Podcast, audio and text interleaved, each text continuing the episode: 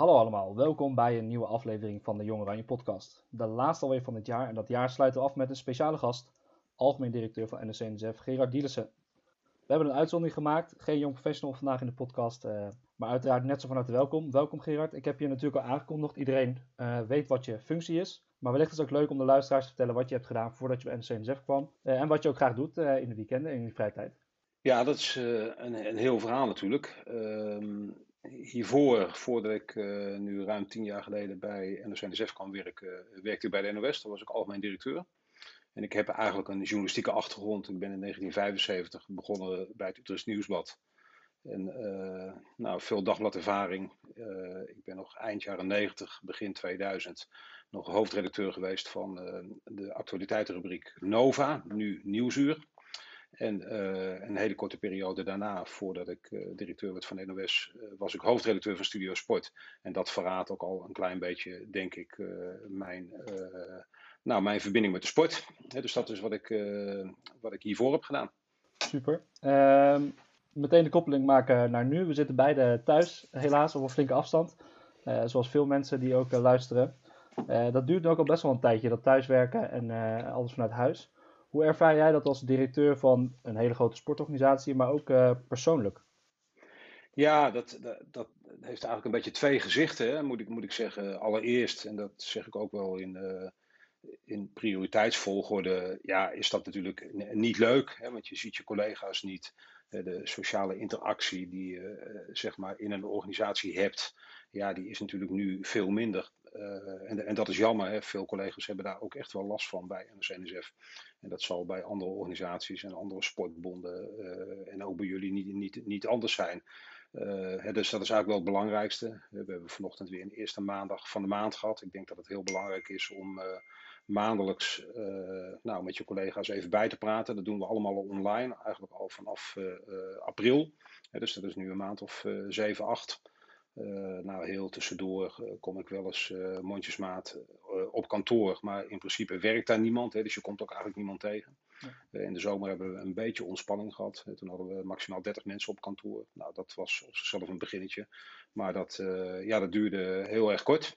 Ehm, hè, dus dat is eigenlijk toch wel ja, lastig. De, de, positieve kant is natuurlijk ook wel weer dat je in die afgelopen maanden heel veel leert. je kan effectiever en efficiënter werken door ook online te werken. Uh, en naar mijn idee uh, zouden we met, name volgend jaar, als, als we hopen dat uh, de boel weer een beetje normaliseert, dat we echt een goede hybride vorm zien te vinden. van aan de ene kant nou ja, gewoon op kantoor werken, hè, mensen weer tegenkomen, brainstormen, elkaar goed in de ogen kunnen kijken, leren. En aan de andere kant ja, kun je natuurlijk ook heel efficiënt vergaderingen online organiseren. Ik noem één voorbeeld. Ik heb wel meegemaakt, ook in de voorbereiding naar de Olympische Spelen. Hè, dat ik voor één bijeenkomst naar Rio de Janeiro moest of naar Tokio. Ja, dat is echt wel verleden tijd. Dat gaan we niet meer doen. Weet je wel, dat kan uh, online natuurlijk net zo goed. Ja. dus uh, deze crisis brengt ons ook wel wat. Hè. Dat, daar moeten we ook heel, heel eerlijk in zijn. En daar moeten we ook gebruik van maken. Zeker. Nou, we gaan uitgebreid terugkijken op dat bijzondere jaar en over, op, over de pandemie natuurlijk. Maar ik wil even uh, uh, eerst beginnen even met een actueel thema, want er zijn uh, een aantal vragen ingestuurd door de luisteraars. En een daarvan gaat over de NL Sportraad. Die is ingestuurd door Mitchell Korpel. Mitchell, bedankt voor je vraag uiteraard. Het gaat over het advies van de NL Sportraad over genaamd de opstelling op het speelveld. Er komen een aantal interessante adviezen naar voren over bijvoorbeeld het positioneren van sport als een publieke voorziening. maar er zijn ook adviezen over het inrichten van een koepelorganisatie die de hele sport vertegenwoordigt. Hoe kijk jij daar als directeur van NOC-NSF, in mijn ogen de, de sportkoepel, uh, naar dat advies? Ja, ik zou het ook bijna willen zeggen. Er is eigenlijk een sportkoepel. Zo worden we in ieder geval door de buitenwereld wel altijd zeg maar, geafficheerd. Hè. Is een sportkoepel. Nou uh, begrijp ik het advies van de Nederlandse Sportraad wel. Uh, en, en, vooral vanuit de inhoud, hè, want zij zeggen eigenlijk van het zou mooi zijn als op termijn uh, sport veel meer wordt gezien als een publieke voorziening. Nou, dat kan naar mijn idee maar op één manier, namelijk als je in de toekomst echt een sportwet ont, ont, ontwerpt, hè, zodat sport een veel bredere maatschappelijke betekenis krijgt dan het nu eigenlijk heeft hè, qua wetgeving. Want er is eigenlijk helemaal geen sportwetgeving. maar dat betekent dan ook wel dat er heel veel meer geld bij moet komen. Dus dat hebben wij in onze eerste reacties ook gezegd. Van als je ervoor zorgt hè, dat, je, dat je een behoorlijk budget hebt, en dan heb je het echt bovenop wat we nu hebben, ja, over een bedrag van misschien wel een miljard, hè, dat, in die richting gaat het wel. Ja, dan zou ik me kunnen voorstellen dat je dat geld dan niet meer ja, alleen via NOC-NSF laat verdelen. Hè, want dan kom je veel meer op het speelveld. Hè, dat sport ook eh, krijgt voor, uh, voor vitaliteit, voor sociale doeleinden, hè, noem het allemaal maar op ja, dan is er veel meer geld nodig. En dat moet je ook wel via een sportwet moet je dat inrichten. En, ja, en dan zou je kunnen kijken of je zeg maar, die, die breedte die we nu ook wel proberen te verbinden vanuit de sportkoepel NOC-NSF. En daar heb je het ook over eh, NL Actief, de sportscholen, natuurlijk ook de Vereniging Sport en Gemeente. En er zijn natuurlijk meer commerciële aanbieders op het speelveld gekomen in de afgelopen decennia ja, dan zou je daar eens goed naar uh, moeten kunnen kijken. Kijk, of het ooit zover komt, dat weet ik niet. het is op dit moment een advies eh, eh, van de Nederlandse Sportraad een adviescollege van, van de kroon, hè, dus eigenlijk van het kabinet. Dus dit advies gaat in het overdrachtsdossier van de minister en dat komt bij een volgende minister terecht. de vraag is natuurlijk ook heel erg wat en hoe sport betekenis krijgt in een nieuw coalitieakkoord. Ja, en dan zal duidelijk worden wat er met, met dit advies gebeurt. Hè. Dus dan zijn we nog wel weer een paar stappen verder. Nou, wij denken natuurlijk nu ook nog wel na over een, een meer gedetailleerde reactie. Ik geef nu een hele algemene reactie. Ja. En dat, ja, daar komen we de komende maanden natuurlijk ook nog wel over te spreken, omdat we dat advies ook goed willen afstemmen met onze leden, met onze bonden. Ja. Begrijpelijk. Zoals uh, veel sectoren is ook de, de sport natuurlijk hard getroffen door corona en de maatregelen om het aantal besmettingen en IC-opnames te verminderen in deze pandemie. Gerard, kan je eens vertellen over hoe die sportorganisaties, uh, waar we dagelijks mee te maken hebben, de afgelopen jaar ja, zijn, zijn getroffen, maar ook wel de veerkracht die je misschien wel ziet de afgelopen maanden? Ja, nou ja, kijk, het is wel aardig dat je dat zegt. Het gaat natuurlijk wel vooral om die, om die veerkracht hè, in een buitengewoon moeilijke periode. Uh, je hebt eigenlijk de eerste eh, golf gehad voor de zomer, uh, waarbij in maart, eind maart, eigenlijk alles op slot ging. Hè. Toen mocht eigenlijk helemaal niks. Topsporters mochten niet trainen verenigingen nou ja, werden, werden gesloten. Er kon eigenlijk helemaal niets. En eigenlijk wel vrij snel konden we met het kabinet toch wel uh, afspraken maken om uh, nou ja, mensen wel te laten sporten. Hè. Met name de jeugd, uh, zeg maar tot 18 jaar. Is vrij snel uitgezonderd geworden. Hè. Dat wordt nog wel eens vergeten, maar is natuurlijk heel erg belangrijk. Omdat die groep ja, natuurlijk toch in zekere zin wel kwetsbaar is. En tot op de dag van vandaag kunnen zij op hun eigen sportvelden blijven sporten. Nou ja, en daarboven, als je dan kijkt naar die, naar die naar die meer individuele sporten, ja, dat, dat kan ook nog steeds. Hè. Zelf eh, ben ik lid van een golfclub. Ja, dat, dat is gewoon uiteindelijk toen we de boel weer een beetje aan de praat kregen. Zo, uh, dat was zo op de grens van april, mei. Ja, kon je ook weer gewoon naar de golfbaan. Dan kon je andere individuele sporten die je op anderhalf meter goed kunt doen. Zoals tennis. Hè, dat, uh, vanaf dat moment kon dat weer. sportvissen bijvoorbeeld is een, is een voorbeeld. Hè, wat je gewoon kon blijven doen. Buitengewoon populair geworden in die periode. Skaten. Nou, er zijn veel meer sporten die eigenlijk die hele periode wel aan de praat uh, gehouden konden worden. hardlopen, fietsen, nou, noem het allemaal maar op. En de problematiek zit hem vooral natuurlijk in de teamsporten. omdat we uiteindelijk ook vlak voor de zomer, nou dat, dat is ook wel breed in het nieuws terechtgekomen, zijn er veel competities natuurlijk gestaakt hè, en uiteindelijk ook niet meer uitgespeeld. Ja, dat is, dat is natuurlijk jammer. En tot op de dag van vandaag, zeker met de huidige richtlijnen of de huidige afspraken die het kabinet, dat zijn eigenlijk geen afspraken, maar eigenlijk voorschriften eh, die het eh, kabinet over ons heeft uitgestort. Dat je met niet meer dan vier mensen tegelijkertijd eh, mag sporten op een sportveld, op een vereniging. Ja, dan, dan zie je toch wel dat veel teamsporten daar heel veel moeite mee hebben en dat mensen dan afhaken. Dat ze zeggen, ja, met vier kun je niet voetballen, kun je niet hockeyen, dan ga ik het maar niet doen. Nou, en dan zie je natuurlijk wel een neergang ook voor, uh, voor die leeftijdscategorie boven 18 jaar, dat mensen niet meer naar het sportveld komen. Dus dan gaan er veel minder mensen plotseling sporten. Dus wij hebben er eigenlijk uh, continu voor gepleit bij het kabinet van laat nou dat aantal van vier, laat het nou los. Uh, in ieder geval op het sportveld. Hè. Dus zodra mensen aan het sporten zijn, is ook gebleken al voor de zomervakantie dat er hoegenaamd geen overdracht plaatsvindt van het virus als ze aan het sporten zijn. En die contactmomenten zijn zo ontzettend kort dat dat, dat geen gevaar oplevert. Maar vanuit nou ja, zeg maar een eenduidige besluitvorming heeft het kabinet toch besloten om ook die vier te handhaven op het sportveld. Ja, en daar hebben wij wel last van. En dan zie je eigenlijk wel dat er veel minder mensen zijn gaan sporten daardoor. Nou, dat, dat, dat is jammer. Daar spreken we ook over. We hebben een heel plan gemaakt over de heropen van de sport. waarbij we ervan uitgaan dat er meer mensen dan vier op het sportveld tegelijkertijd kunnen sporten. Alleen de situatie is nu nog niet zo dat het kabinet zegt van ja, dat, dat, dat kan. Hè. Dan moeten de besmettingscijfers toch wel verder naar beneden gaan. En dan zijn er wel mogelijkheden voor. Nou ja, gelukkig zie je aan de, aan de andere kant, aan de topsportkant, dat er wel veel internationale wedstrijden en toernooien gelukkig doorgaan. Het voetbal is daar natuurlijk heel belangrijk in. het betaald voetbal kan door en ook, het, nou ja, ook de, de Eredivisie Vrouwen. daarvan heeft de minister gezegd van dat het gewoon door kan gaan. Nou goed, je ziet ook andere toernooien zoals het afgelopen weekend nog het Olympisch kwalificatietoernooi zwemmen in Rotterdam wat door is gaan. Schaatsen, wielrennen hebben we in de zomer natuurlijk gezien. Maar, de, internet, of maar de, de, nationale topcompetities, die liggen op dit moment wel stil. En dat is natuurlijk wel jammer, hè? ook met het oog op de voorbereiding van de Spelen. Maar sowieso, hè, er zijn natuurlijk ook veel andere sporten die eigenlijk ja, niet iets te maken hebben met voorbereiding van Spelen. Maar wel, uh, nou ja, uh, maar waarvan het wel zo is dat mensen die, uh, die op zo'n hoog niveau in Nederland sporten, ja, is het min of meer natuurlijk ook een, hun, hun baan, hè? of in ieder geval voor een deel hun baan. Hè? Kijk naar het basketbal.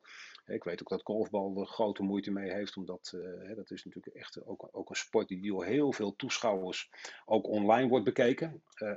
Ja, dus we zitten er eigenlijk wel op te wachten tot we het signaal krijgen dat weliswaar beperkt een aantal topcompetities toch ook wel weer kunnen worden opgestart. We zijn in goed overleg met, met VWS en met het kabinet om te kijken wanneer en onder welke omstandigheden dat dan weer wel kan.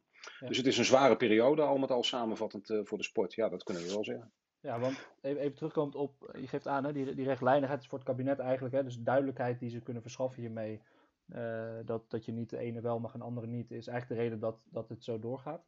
Ik, ik, ik proef wel dus de laatste maanden, ik weet niet hoe, hoe jij dat ervaart hoor, maar steeds meer onbegrip voor hè, dat we wel met z'n allen in een drukke winkel mogen staan en met z'n dertig in een bioscoop, maar niet uh, op een sportveld, wat juist, wat je ook in je, in je blog uh, laatst schreef, sport als ja. medicijn kunnen inzetten. Hoe, wat, wat voor gevoel heb je daarbij als je het kabinet of de minister daarover Ja, weet je, ik, ik, ik vind het altijd lastig om uh, zeg maar naar andere sectoren te kijken. Er zijn heel veel sectoren, dan vlieg ik het even iets algemener aan, die het buitengewoon zwaar hebben. Kijk naar de horeca, kijk naar de reisbranche, kijk naar de evenementenbranche, kijk naar de bioscopen, de theaters, et cetera, et cetera. Ja. Uh, waar uh, niets tot heel weinig kan, waar die buitengewoon hard worden getroffen. Uh, dus ik, ik pas er uh, voor op om de sport te vergelijken met andere branches. Dus ik vind veel meer dat wij moeten uitgaan van onze eigen kracht. Waarbij ik ook uh, in het overleg met de minister steeds aangeef dat sport echt een bijdrage kan leveren aan de oplossing van dit virusprobleem. Ja. Hè, dat, dat, dat vind ik een veel sterker argument waar ik ook buitengewoon in geloof. Want als mensen gaan sporten, ja, dan word je fitter, dan word je weerbaarder, dan word je gezonder. En bovendien als je die, die, die maximale groepsgrootte van vier, als je die loslaat, hè, en je maakt er bijvoorbeeld 10 of 15 van of 20, uh, daar, daar, kun je het over hebben, dan, ja, dan zijn we ook ruimtemakers. Hè, want zo kun je er ook nog tegenaan kijken. Want als mensen dan wel weer naar het sportveld gaan, ja. nou ja, dan, dan zou je redelijkerwijs verwachten dat ze dan niet uh, naar het tuincentrum gaan, hè, omdat ze dan uh, ervoor kiezen om iets anders te doen. Hè. Dus in die zin is het ook een ruimtemaker. Maar het kabinet, hè, dat hoor ik ook wel uit de, de, de, de de inner circles uh, van de politiek terug, vindt het heel erg lastig om aan de ene kant uh, zeg maar maatwerk uh, te leveren, want daar vragen we dan eigenlijk voor. Terwijl ze aan de andere kant ook gewoon heldere richtlijnen, heldere besluiten in de communicatie naar de samenleving willen doen. Weet je wel, dat, dat, dat is natuurlijk ook best een dilemma. Maar desondanks denk ik dat het toch goed is dat je moet kijken als je maatwerk uh, kunt, kunt leveren voor de sport. Nou ja, ga dan in gesprek met de sector, in dit geval met de sport. want ik krijg dan vaak ook weer terug van ja, maar de handhaving dan. Dus ja, nou ja, wij kunnen dat gewoon goed handhaven. Want de georganiseerde sport hè, beschikt over 1,2 miljoen vrijwilligers hè, die in, in reguliere tijden bezig zijn om die sport in goede banen te leiden. Ja, dat kunnen we nu natuurlijk ook doen. Ja, dus dat is niet het grootste probleem. En uh, nou ja, volgens nog zijn we, zijn we druk bezig met die lobby. Zijn we er aan de andere kant nog niet in geslaagd om uh, nou ja, het zover te krijgen dat, uh, dat die maximale groepsgrootte wordt losgelaten. En we zeggen daarbij ook die competities hè, die nu stil liggen uh, voor, voor de hele breedte. Ja, dat komt later wel, weet je wel. Dan kun je ook in, in uh, eind januari of in februari of dus of in maart of in april mee beginnen. Maar het gaat erom dat, dat, dat mensen gewoon op hun fietsje naar de sportclub uh, uh, kunnen gaan. kantines dicht, kleedkamers dicht. en dan ook met, met, met maximaal vier. En op dat sportveld dan gewoon even een uur of anderhalf uur lekker kunnen sporten. Weer gezonde kleur op de wangen kunnen krijgen. En dan gaan ze gewoon weer naar huis en dan douchen ze thuis, et cetera. Weet je wel, dat is eigenlijk wat we vragen. En nou, er is veel begrip voor, veel empathie. Alleen, ja, het is nog niet zover dat, dat het kabinet nu zegt van, nou, dat moeten we maar eens gaan doen. Ik, wat dat betreft ben ik ook wel benieuwd hè, wat, wat de minister-president morgen tijdens de persconferentie eh, gaat zeggen. Of mogelijk nieuwe persconferenties het begin van het nieuwe jaar. Dat moeten we nog maar even zien. Eh, hè, maar we proberen het echt wel goed te onderbouwen met feiten en met, nou, met overtuiging. Ja. ja, volgens mij is dat heel erg belangrijk. Je, je stipt het net al aan, hè? en ik stipte het net ook al aan, sport als medicijn. De laatste blog die je schreef was ook een beetje de aanleiding van, naar aanleiding van de laatste cijfers. Dat in de coronapandemie 34% van de Nederlanders minder heeft gesport. dat vind ik best wel flinke aantallen. Ja, daar schrik ik, daar schrik ik ook enorm van. Ja, ja logisch. Ja, ja, Ondanks alle, alle inspanningen van iedereen om juist in die tijd dat we thuis zaten nog allerlei dingen te kunnen doen. Ja, en, daar, en daar even daarop inzoomen. En de, kijk, in die 34 procent, die zit natuurlijk met, met name in die groep van de samenleving die het misschien ook wat hardst nodig heeft. Hè? Want uh, kijk, als ik naar mezelf kijk, dan, ja, weet je, ik, ik sport wel uh, drie, vier, vijf keer per week. Ik stap op mijn fiets, uh, ik, ik, ik, kan naar de sportschool, uh, ik ga wandelen, ik ga naar de golfbaan, dat kan allemaal. Maar het gaat vooral ook om die kwetsbare groepen, hè, die, die echt die vereniging ook nodig hebben als een soort bindmiddel om, om daar ook naartoe te gaan. Dan ook op dat sportveld een beetje gezelligheid te hebben, met elkaar te kunnen kletsen, et cetera, et cetera. Ja, en die haken af. Hè. Dat is natuurlijk een kwetsbare groep die, die uh, nou ja, vaak ook wat, uh, hè, dat zijn de wat lagere inkomensgroepen vaak dan, hè, die... Uh, ja, ja, die, die gooit bijltje erbij neer. Ja, en dat zou natuurlijk niet moeten, hè, waardoor die samenleving uiteindelijk toch kwetsbaarder wordt. Nou, dat zijn natuurlijk allemaal argumenten die wij ook inbrengen bij uh, Den Haag. Is dan wel een moeilijke kwestie, lijkt mij, hè? want je ziet het aantal inderdaad groeien is een kwetsbare groep. Maar aan de andere kant krijg je misschien niet zozeer de ruimte die je graag zou willen om daar iets aan te kunnen doen. Nee, nee ja, kijk, de, de, die ruimte die wij tot nu toe krijgen is vooral veel empathie en vooral veel medeleven. En dat we dat, uh, dat we het goed doen. En dat we de protocollen snel op orde hebben en uh, het ook vooral goed organiseren. Hè. Maar de andere kant is natuurlijk ook zo dat die tweede golf, die, ja, die, die komt toch over ons heen. En je ziet het ook in de cijfers van de afgelopen week. Ja, dat zijn natuurlijk geen cijfers om vrolijk van te worden. Het kabinet hamert erop ja, dat er niet heel veel meer maatregelen genomen kunnen worden dan er nu genomen zijn. Maar dat het toch ook vooral gaat om het gedrag van de mensen zelf. Nou, daar ben ik het natuurlijk wel van harte mee eens. Uh, maar daarnaast denk ik dat wij, dat wij met sport, hè, zoals ik dat ook net heb uitgelegd, ook echt een bijdrage kunnen leveren uh, aan het uh, verminderen van de problematiek waar we nu al zeg maar acht, negen maanden mee te maken hebben. Ja, ja en om, om dan helemaal de terugblikvraag te stellen, maar ook juist vooruit te kijken, welke kansen biedt dit jaar nou voor de sport, maar ook de sportorganisaties? Kijk naar de bonden en verenigingen. Nou, wat ik, kijk, wat ik zelf wel interessant zou vinden, is dat we, uh, uh, nou, dat zullen we dit jaar niet meer doen, maar dat we begin volgend jaar nog eens een, een rondgang lang, langs alle bonden uh, gaan maken van wat heeft het nou opgeleverd. Er zijn natuurlijk heel veel mooie voorbeelden te bedenken, hè, waarbij, ik, ik, denk bijvoorbeeld aan de Koninklijke Nederlandse Wandelbond, hè, de, de, Vierdaagse van Nijmegen ging niet door, maar die kon je zelf lopen, hè, door middel van een app, hè, en dan kon je ook nog je medaille halen. Nou, zo zijn er talloze voorbeelden van allerlei innovaties die uh, van de grond zijn gekomen, die naar mijn idee niet zouden zijn bedacht als we niet in deze crisis uh, terecht zouden zijn gekomen.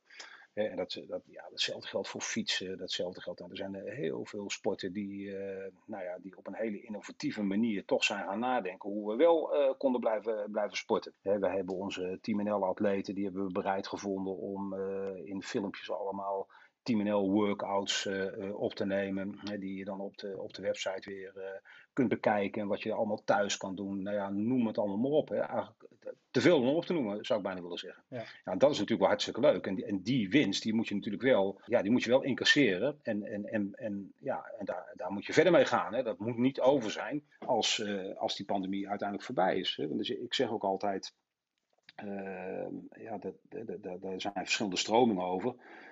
Ik, heb het niet zo op het oude normaal en, het nieuwe normaal, maar dat, dat de wereld er echt anders uit gaat zien na deze pandemie, daar ben ik echt wel van overtuigd. Ik gaf net al een voorbeeld over het reizen. Ja, dat ga je natuurlijk anders doen. Ik denk ook het werken op, op kantoor, dat zal, uh, dat zal anders gaan dan, uh, dan, dan voor corona. Dat kan efficiënter, dat kan creatiever. Maar natuurlijk ook gewoon fysiek wel op kantoor komen. Ja, maar andere manier uh, ons leven gaan inrichten. Nou, we zitten nu middenin. Hè, dus het is best wel moeilijk om als je er echt nog middenin zit, om te zien hoe dat allemaal zal gaan lopen. Maar ik vind wel dat we de tijd daarvoor moeten gaan nemen in 2021. om die winst die corona ons ook heeft gebracht, om die wel, nou, om het maar zo te zeggen, om die te arresteren. Ja ja, volgens mij mooi streven. En laten we hopen dat, dat, uh, dat we dat snel in 2021 kunnen oppakken. En ook uh, een belangrijke positie krijgt ook uh, na de verkiezingen in, in, een nieuw kabinet. Ja, zeker. Ja, ja. we maken eigenlijk een bruggetje naar wat meer specifiek thema. Je stipt het net al aan, innovatie bij sportorganisaties. en eigenlijk aanleiding om met jou vandaag in te zoomen op dat thema is... dat was aanvoerdersteam van Jong Oranje in de pen zijn gekropen afgelopen voorjaar. met name dat we jou hoorden benadrukken hoe belangrijk het is om juist in deze crisis vooruit te blijven kijken. En, uh, en juist, hè, volgens mij is de uitspraak van uh, minister uh, Wiebus, die zei, je moet je uit deze crisis innoveren. Aan de andere kant zagen we een beweging die dat, dat in het bestedingsplan voor 2021 besloot om een groot deel van het innovatiebudget over te hevelen naar het coronanoodfonds. Begrijpelijk dat zo'n noodfonds er is. Het gaat om enkele miljoenen. Maar we waren benieuwd, wat is daar eigenlijk achter? Hè? Dus die uitspraken vonden we niet helemaal matchen. En kan je ons meenemen in ja, welke afwegingen zijn er nou om zo'n uh, beslissing te nemen wat uh, gaat eigenlijk over alle sportorganisaties? Nou ja, volgens mij is het vrij simpel. Kijk, op, op, op het moment dat je uh, echt in zo'n crisis belandt, dan is het in eerste instantie overleven. Hè, dus ja, wat je dan in ieder geval probeert te doen, is dat je dan middelen vrij maakt om zeg maar, zo'n prachtige en unieke georganiseerde sportinfrastructuur overeind te houden. Dat is eigenlijk stap 1. En we, we konden toen nog niet bevroeden in die periode uh, hoe het zou gaan met de steun vanuit de overheid. De, de, de overheid, ik geloof dat ze nu al, uh, wat is het, uh, 70 of 80 miljard hebben uitgegeven om nou, de economie in, de in de benen te houden. Nou, daar heeft sport natuurlijk ook een boel geld van gekregen. Maar op dat moment wist, wisten we dat niet. Ja, en je kan wel innoveren, en dat heb ik ook gezegd hè, in een van de van de interviews die ik heb gehad in die periode. En dat vind ik nog steeds. Hè, je moet je uit zo'n crisis innoveren, maar ook investeren. Het, het, gaat om die twee dingen. Je moet je eruit investeren en uit innoveren. Uh, dus je moet altijd zorgen dat je, nou ja, dat je naar voren blijft kijken. En, da en dat is natuurlijk best een uitdaging. Uh, dus in eerste instantie hebben wij gezegd van nou ja, waar hebben wij geld in onze begroting om in ieder geval de bonden overeind te houden. Hè? Want eigenlijk tot op de dag van vandaag, en dat, dat is heel prettig, zie je dat de overheid, het kabinet, met name de, de, de, de infrastructuur bij de verenigingen uh, overeind heeft gehouden. Uh, uh, maar de bonden, die hebben geen extra middelen gekregen. Nou, de ene bond heeft het wat makkelijker. Ik zei al Sportvisserij Nederland. De Tennisbond heeft er veel leden bij gekregen. sportvisserij. Maar er zijn ook bonden hè, waar leden hè, waar je echt te maken hebt met ledenverlies. Of uh, dat zou ook nog wel eens kunnen gaan optreden. Hè, op het moment dat, uh, dat je geen competities kunt organiseren en geen additionele inkomsten kunt uh, genereren door het organiseren van evenementjes, competities, nou, da, da, dat soort dingen. Ja. He, dus dan hebben wij gemeend van ja, dan moeten we toch kijken of we vanuit onze algemene middelen, of we daar geld voor vrij kunnen, kunnen spelen. Ook om gewoon het goede voorbeeld te geven. Hè. Vergeet het ook niet want doordat wij eerder dan het kabinet zeiden van nou ja, wij initiëren uh, een fonds, een coronanoodfonds voor de sport. Ja, dat heeft er naar mijn idee ook bijgedragen dat het kabinet heeft gezegd, nou als jullie je eigen verantwoordelijkheid nemen, dan, ja, dan doen wij ook mee, hè, gaan wij ook meedoen. Hè. Terwijl als je dat niet had gedaan, dan denk ik dat het kabinet ook wel had meegedaan, maar dan is er nog, nog maar de vraag hè, uh, hoe groot en hoeveel geld, et cetera, et cetera. Ja. Nou, dus gaandeweg zagen wij dat dat was ook een van je eerdere vragen, dat bonden, maar dat geldt natuurlijk ook voor verenigingen, dat, ze, dat ze best flexibel zijn en dat ze uh, lenig zijn ook vooral. het adaptievermogen van verenigingen, dat weten we ook van uit het verleden. Dat is heel erg groot. Hè? Als er bijvoorbeeld geen geld is om een schilder in te huren, om het clubhuis te schilderen, dan gaan de leden zelf schilderen, weet je wel, dat soort dingen. Hè? Dat zie je in de sport natuurlijk heel veel terug. Uh, uh, nou, dat is ook de reden waarom we hebben gezegd van nou ja, dat fonds dat moeten we eigenlijk hebben. En laten we maar eens kijken de komende maanden hoe zich dat ontwikkelt. En toen is eigenlijk gebleken dat uh, we hadden daar hele strakke richtlijnen voor opgesteld. en je kon er eigenlijk alleen maar aanspraak op maken nou, als, als het echt niet meer anders kon. Voor bonden, voor sportbonden. Ja. dat was een soort last resort, om maar zo te zeggen. Nou, daar hebben bonden uiteindelijk hebben geen aanvraag gedaan. Ja, en toen hebben we gezegd van kijk het naar 2021 uh, is het toch wel goed om die bonden een extra steuntje in de rug eh, te geven om overeind te blijven. Maar dan moeten we ook geld vrijmaken voor innovatie. Nou, dat hebben we zeg maar na de zomer hebben we dat opgepakt. Hè, en nu is er een bedrag van tussen de anderhalf en 2 miljoen toch voor innovatie uh, met ook nog een mooie dotatie daarin van Sportvisserij Nederland. want die hebben gezegd van ja, we hebben zoveel nieuwe leden erbij. Wij hebben het steuntje in de rug niet nodig. dus dat is een hele mooie vorm van solidariteit aan de ene kant. En aan de andere kant hebben bonden dan toch een iets ruimer budget waarover ze kunnen beschikken in, 2021 om ook overeind te blijven. Nou, en je gaat er natuurlijk vanuit dat we dan straks in de loop van 2021 en ook verder, dat we dan ook wel weer meer budget kunnen gaan vrijmaken voor, uh, voor innovatie. Want tegelijkertijd hebben we ook uh, nou, hebben het bureau Berenschot gevraagd om eens een goed onderzoek te doen van uh, hoe besteden wij nou onze innovatiemiddelen de afgelopen jaren. Want vergeet niet, hè, tot voor drie, vier jaar geleden zat er geen cent in het innovatiebudget. Hè, hadden we helemaal niks. En uiteindelijk hebben we daar toch 4,5 miljoen voor vrij weten te maken uh, vanuit ons bestedingsplan. Hè, wat ik echt een groot compliment vind aan alle bonden die dat ook hebben ingezien. Alleen ja, toen zagen we die crisis natuurlijk niet aankomen. Dus nu hebben we ook uh, direct na de zomer, of dat speelt eigenlijk nu, hebben we Berenschot gevraagd van ja, kijk nou eens goed naar die innovatierubriek. Wat levert dat op? Uh, kunnen we dat beter doen? Kunnen we dat anders doen? Nou, dan verwacht ik begin februari verwacht ik daar het eerste resultaat van. En dan kunnen we daarmee verder gaan. Er ook van uitgaande dat we dan ook wel een beetje zicht hebben op het einde van die coronatunnel. Hè? Dat we dan ook een nieuw bestedingsplan voor 2022 kunnen gaan inrichten, waarin heel veel ruimte is voor innovatie.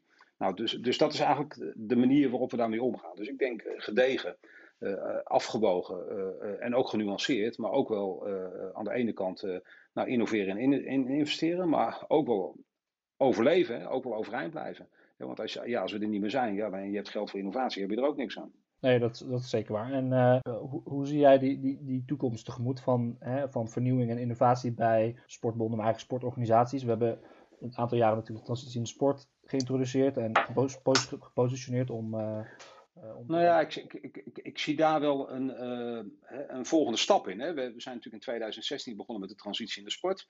waarbij eigenlijk nou ja, de, de, kern was van ja, hoe zorgen we nu dat we uiteindelijk ook als georganiseerde sport, hè, vanuit die, die aloude verenigingsstructuren die we al meer dan 200 jaar kennen in Nederland, hè, hoe kunnen we nou relevant blijven? En, als je, eh, en je blijft niet relevant als je een gesloten vereniging blijft. Dus dat je, eh, ja, je doet het voor je leden, je betaalt 200 eh, euro contributie en je betaalt 1,25 voor een biertje. En je organiseert ook nog eens een competitie en that's it. Weet je, dan, dan, dan ga je niet overleven ten opzichte van al die nieuwkomers, waar we in het begin van het gesprek over spraken. Ja, dan blijf je natuurlijk niet relevant. En nou, dat, die, die transitie in de sport die heeft een hele beweging in gang gebracht. Uh, naar mijn idee, hè, met, uh, met, met, prachtige voorbeelden ook van nieuwe democratische modellen tot uh, nieuwe spelvormen, maar ook tot de vaststelling dat je nu ook gebruik kunt maken van de kennis en kunde van een sportvereniging of van een sportbond als zijnde een, een soort uh, sportspeciaalzaak hè, waar je naartoe kan gaan. Dus ik denk dat we daar enorme stappen in uh, hebben gezet, maar dat, maar dat moet wel verder ontwikkeld worden in de toekomst. En ik denk ook dat uh, hè, vanuit de zogenoemde veranderagenda, die we ook tijdens de algemene ledenvergadering hebben vastgesteld, ja, dat we hebben gezegd van die maatschappelijke betekenis van sport, ja, die, die moet toch wel een, een, een belangrijkere rol krijgen. Ook waar het gaat om de financiering van onze bonden. Hè. We hebben nu eigenlijk één grondslag op basis waarvan we de bonden financieren. met geld dat we vanuit de overheid krijgen en wat we vanuit eh, het loterijstelsel krijgen. En dat is het ledenaantal. Maar we willen eigenlijk daar een tweede uh, grondslag aan toevoegen. En dat hebben we ook in de algemene ledenvergadering afgesproken, hè, want dat is onderdeel van die veranderagenda. En dat is dat maatschappelijke thema. Nou, die is best wel ingewikkeld, hè, van hoe doe je dat dan, hoe meet je dat dan, et cetera. Nou, daar gaat een werkgroep verder mee aan de slag om te kijken hoe we dat, hoe we dat verder vorm kunnen gaan geven. Nou ja, dat zijn allemaal uh, stappen in die transitie, hè, die die georganiseerde sport, ja, een, een, nog veel uh, belangrijkere positie in die samenleving uh, kan geven. Hè, waardoor je echt ook in de toekomst duurzaam eh, relevant blijft. Nou ja, en we hopen natuurlijk ook dat, eh, dat de overheid daar ook een, eh, een, een deel in neemt. Dus ik ben heel benieuwd, en daar lobbyen we natuurlijk hard voor, van hoe het nieuwe coalitieakkoord eruit gaat, gaat zien. En dat ja, het zou mooi zijn als daar ook nou ja, de hele goede punten van de sportraad ook in verwerkt kunnen worden. Hè. Dat is natuurlijk allemaal nog maar de vraag, maar nou ja, daar zijn we natuurlijk wel mee bezig. Hè. Dus er is naar mijn idee echt een schaalsprong nodig om, om die maatschappelijke betekenis van sport om die nog verder vorm te geven. Nou, daar, daar zitten we nu middenin. En, en, en corona helpt niet altijd mee, maar soms ook wel wel. Hè, want je ziet natuurlijk allerlei, uh, want ja, never waste a good crisis. Ook prachtige voorbeelden die we natuurlijk ook in die schaalsprong wel weer kunnen, kunnen gaan meenemen. Dus dat, dat is eigenlijk hoe we ermee aan de slag moeten gaan. Ja. En eigenlijk ook al mee aan de slag zijn. Ja, heel mooi. Nog, nog een vraag en die gaat ook een beetje richting Jong Oranje. We zijn natuurlijk uh, netwerkorganisatie eh, voor jonge mensen in de sport tot en met 35 jaar. En die komen natuurlijk binnen bij een sportorganisatie en zijn daar uh, en enthousiast. Het is natuurlijk heel leuk om in de sport te werken. Hoe zie jij de, de, of misschien kan ik hem anders formuleren, hoe belangrijk vind jij dat die jonge, frisse mensen ook uh, zich gaan mengen in wat grotere thema's? Ik hoor jou bijvoorbeeld de veranderagenda over praten. Dat zijn best wel dingen die cruciaal zijn voor de toekomst van de sport. En uiteindelijk waar de professionals of andere professionals in die sport mee moeten gaan werken. Ja, ik vind het superbelangrijk. Hè, dat, uh, uh, je hebt het altijd over, of we hebben het vaak over diversiteit. Hè, ook in onze branche heb je het dan over. Weet je wel, ja, ik heb het ook dan liever toch meer over representativiteit. Hè, omdat ik vind dat zeg maar alle mensen die in de sport werken, en ja, die, die, hè, die moeten hun input natuurlijk aan die discussie kunnen geven. En vooral jongere mensen, hè, want dat, volgens mij zeg je dat impliciet mensen tot 35 of tot 30, uh, eh, wat je wil. Maar in ieder geval de, de, de, jonge professionals. Ja, die kijken toch ook weer vaak op een hele andere manier uh, naar de wereld of naar de sportwereld. Dan uh, een ouder iemand zoals ik. Hè. Ik ben 65, ja. ik ben natuurlijk heel benieuwd hoe de sport zich in de komende jaren ook gaat ontwikkelen. maar we hebben vooral natuurlijk ook de jonge professional, professionals nodig om die inzichten om die kennis en kunde, om die ook ja, daar, daarover te beschikken, hè, zodat we inderdaad ook de juiste beslissingen nemen. Dus ik zou zeggen ook tegen de young professionals in de sport van roeien eh, in de discussies en zorg dat je erbij bent. En, nou ja, kijk, en als ik kijk naar, naar, naar mijn eigen organisatie, de NSNSF, ja, dan vind ik het heel leuk om in debat te gaan met, hè, met de jongere collega's. Hè, omdat die vaak toch weer met inzichten komen waarvan ook ik denk, hè, terwijl ik echt wel met de illusie leef dat ik hou van innovatie, ik hou van vooruitkijken. Uh, maar dat zijn dan toch ook weer vaak inzichten. Shit, heb ik helemaal niet aan gedacht. Oh, zit dat zo? Weet je wel, ja, dat, dat zijn wel uh, inzichten en, en, en, kennis die gedeeld moeten willen worden. Hè? Dus daar roep ik echt toe op. Ja, laten we, laten we vanuit Jong Oranje daar zeker die handreikingen aangrijpen. En laten we vooral ook elkaar blijven uitdagen om die toekomstige uitdagingen weer uh, te lijf uh, te kunnen. Ik had nog een vraag die binnen was gekomen en dat is een iets andere strekking, maar volgens mij nog steeds relevant. Vraag van Janna van de Onderwatersportbond. En die vraagt zich af hoe jij de sport ziet als werkgever. Dus qua is, is daar plek voor jonge, talentvolle mensen en wat voor doorstroommogelijkheden kent die sport nou? Het is wel een heel ander onderwerp, maar volgens mij wel. ja, nou ja, weet je, ja, volgens mij is de sport een prachtige sector om in te werken. En ja, ik heb genoeg uh, uh, jonge collega's in, in de sport zien beginnen die ja, dan toch ook wel weer allerlei stappen zetten. Je kan natuurlijk vanuit, vanuit de Onderwatersportbond kun je naar een andere bond, kun je naar NSNSF. Maar ik zie ook mensen die bij NSNSF werken, die zie ik ook weer naar andere bonden gaan. Maar ook als je bijvoorbeeld op een, op een marketingafdeling werkt, dan zie ik ook wel weer mensen verschuiven naar corporates of naar andere bedrijven. Eh, ik, ik, ik, denk dat de sport, ja, sport is ook een beetje het leven. Hè? Dus als je daar een aantal jaren hebt gewerkt, dan, uh, dan ja, het is wel zo dat sport natuurlijk, hoe zou ik het zeggen, het, het, het is natuurlijk één thema, maar met zoveel generieke aspecten, dat, dat je vanuit de sport, ja, ja, als je een ervaring hebt opgedaan van vijf, zes, zeven, acht jaar, ja, kun je die ervaring volgens mij op ongelooflijk veel plaatsen uh, uh, weer inzetten, hè, meenemen en weer inzetten bij andere bedrijven in de sport, maar ook daarbuiten, of van de sport uh, gerelateerde organisaties. Dus dat, is een beetje hoe ik daar tegen, tegenaan kijk. Ja, het is, het is generieker dan dat je soms wel eens denkt. Hè. Vroeger, ik heb wel eens gezegd, van, toen ik nog hoofdredacteur van een krant was, hè, adviseerde ik jonge collega's altijd, probeer, probeer je niet direct zeg maar eerst op één onderwerp. Hè. Begin bijvoorbeeld niet op een sportredactie, maar begin meer op een algemene redactie. En als je een paar jaar verder bent, dan kun je altijd nog wel weer inzoomen op, op de sport, weet je wel. Want dat gaat dan vaak over topsport, dan word je te smal. Maar het werk in de sport in algehele zin, denk, ik, ja, geeft je een goed ticket om, uh, om je, en genoeg breedte om, uh, nou ja, om, om een mooie loopbaan tegemoet te zien. Ja, ja heel mooi. ja, misschien een hele aparte vraag, maar je liet net vallen, je bent 65. En ik heb begrepen dat je volgend jaar, volgende, volgende zomer stopt bij NSC-NSF. Dus er zijn mensen, jullie zijn in ieder geval op zoek naar een nieuwe algemeen directeur. Zie jij een jong professional onder de 35 de nieuwe directeur van NSC-NSF worden? God, dat is een goede vraag. Ja, nee, ja, ja, ik bedoel, uh, waarom niet? Weet je, ik was, ik was zelf 37 toen ik hoofdredacteur werd van een krant.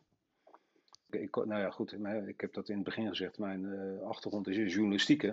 Dus uh, waarom niet? Alleen het is niet aan mij, weet je, ik ga er niet over. Nee. Uh, dus ik stop op 1 oktober en, en er is nu een procedure begonnen net één of twee weken terug. dus er is een advertentie in de kant gekomen en nou, de verwachting is dat daar veel mensen op, op, op, zullen reageren. En het is uiteindelijk aan het bestuur hè, in, in, in de rol van werkgever om daar uiteindelijk op basis van het profiel een besluit over te nemen. Ja. Dus nou ja, ja het, zou, het zou kunnen. Ik bedoel, uh, uh, waarom niet? Ja. ja, en of het dan helemaal 35 of eind 30 moet zijn, ja goed, daar kun je het over hebben, weet je wel. Je ziet ook wel, ja, je ziet natuurlijk ook wel ministers op die leeftijd hele goede dingen doen. Dus, ja, ja ik, vind, ik vind 37 hoofdredacteur ook wel een hele, zo'n flinke stap, zo jong in je carrière. Ja, ja, ja, wat is jong, maar goed, als je, als, je, als je 20 bent en je begint in de journalistiek en je je doet dat 17 jaar, weet je wel, ja, dan, ja, het is ook weer geen rocket science, weet je wel. Eh, ja, laten we het ook weer niet overdrijven. Eh, het zijn mooie banen en veel verantwoordelijkheid, maar nou ja, kijk, als, als er een goede kandidaat uh, tussen zit, hè, die, die dan wat jonger is dan de, dan de leeftijd waarvan je zegt van ja, nou, dat is een leeftijd die moet je wel hebben voor die, voor die baan. Ja, ja dat zou kunnen, ja. Ja, ja. ja zo, zo, zoals je in het eerder gesprek ook al zei, het is een functie waar je de baas bent, maar ook weer niet de baas bent.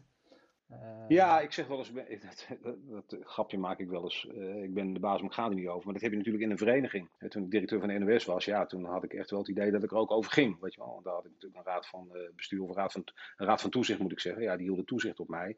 Maar hier is het natuurlijk, ja, in een vereniging heb je natuurlijk te maken met een verenigingsdemocratie. Ja, ja dat, uiteindelijk is de, de, de baas de algemene vergadering. Want daar worden uiteindelijk de besluiten genomen. Ja, zo simpel is het ook alweer. Ja, maar goed, ik, ik, realiseer me tegelijkertijd ook wel dat het voor een deel een grap is, omdat je uh, nou ja, op die plek natuurlijk wel sturing kunt geven aan allerlei belangrijke uh, besluitvormingsonderwerpen en processen, zoals dat heet, geloof ik. Ik bedoel, dat moet je natuurlijk ook weer niet onderschatten, hè, maar wel eh, altijd gedragen door je vereniging. Hè. Daar moet je aan, op de voor, aan, aan, de voorkant wel voor zorgen, want anders gaat het natuurlijk mis. ja. ja. ja. Duidelijk, dankjewel. Ja, we, gaan, we gaan alweer afsluiten. Brengt ons alweer aan het einde van deze aflevering van de Jong Oranje podcast. Zoals gezegd, de laatste aflevering van dit jaar. Gerard, ik wil je uiteraard bedanken voor je, voor je tijd. Uh, heb je nog een afsluitend bericht uh, voor de luisteraar zo aan het eind van het jaar? Uh, nou ja, weet je, het, het, is natuurlijk een heel bijzonder jaar geweest. Ook wel een beetje een zoekend jaar. met veel ups en downs door corona, uitstel van de Spelen, veel mentale problematiek door thuiswerk. Hè? We hebben er eigenlijk allemaal bij, bij, bij stilgestaan ja, ik hoop ook dat de luisteraars gewoon tijdens de feestdagen uh, toch een beetje de rust nemen. Tijd, hè, er is echt, echt dan wel wat tijd gedurende een week, anderhalf, twee weken voor wat reflectie. Om eens even terug te kijken van wat is er nu allemaal gebeurd. Hè? Want het was natuurlijk toch wel een beetje een rollercoaster. En, en van daaruit ook naar de toekomst te kijken. Hè? Volgens mij kun je nooit naar de toekomst kijken zonder rekening te houden met wat er in het verleden en, in dit geval het uh, nabije verleden is gebeurd. dus laat ik die tip meegeven en dan uh, ja, hoop ik dat iedereen uh, sprankelend toch het jaar 2021 instapt. Hoe, hoe, hoe, moeilijk ook, hè. maar goed. we zien wel dat er wat licht aan het einde van de tunnel is. Hè. Dat zal dan wel ergens rond de zomer zijn. Maar nou ja, we zitten nu ook al negen maanden in deze situatie. En, dus het gaat ook wel weer snel. Nou ja, zet je in voor de sport, want het is natuurlijk een prachtig bedrijfstak waarin we met z'n allen werken. Te mooi om daarover te gaan somberen en te gaan sippen, zou ik maar zeggen. Dus geniet lekker van die vrije dagen. Zoek wat energie op die we weer nodig hebben vanaf 1 januari 2021 om er een, eh, een heel mooi sportjaar van te maken. En ook zo die, die maatschappelijke betekenis van sport echt ook in die samenleving goed laten landen. Ja, ja, dankjewel. We hebben het natuurlijk over gehad. Volgens mij komen er genoeg kansen en mogelijkheden voor de sport de komende tijd. Dus alle, alle, alle lof eh, daarvoor en eh, hopelijk kunnen we die uh, volgend jaar aangrijpen. Ik wil jullie bedanken voor het luisteren. Namens het Jonge Oranje aanvoerdersteam wensen we je natuurlijk fijne feestdagen alvast en een prettig oud nieuw. Tot snel bij de eerste aflevering in 2021 van de Jonge Oranje podcast. Blijf thuis en gezond.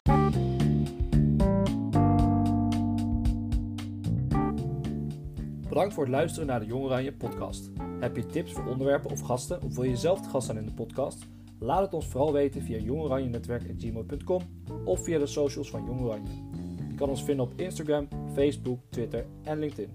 En vergeet dan ook niet om op het volg- of like-knopje te drukken. Thumbs up voor de jong professionals in de sport.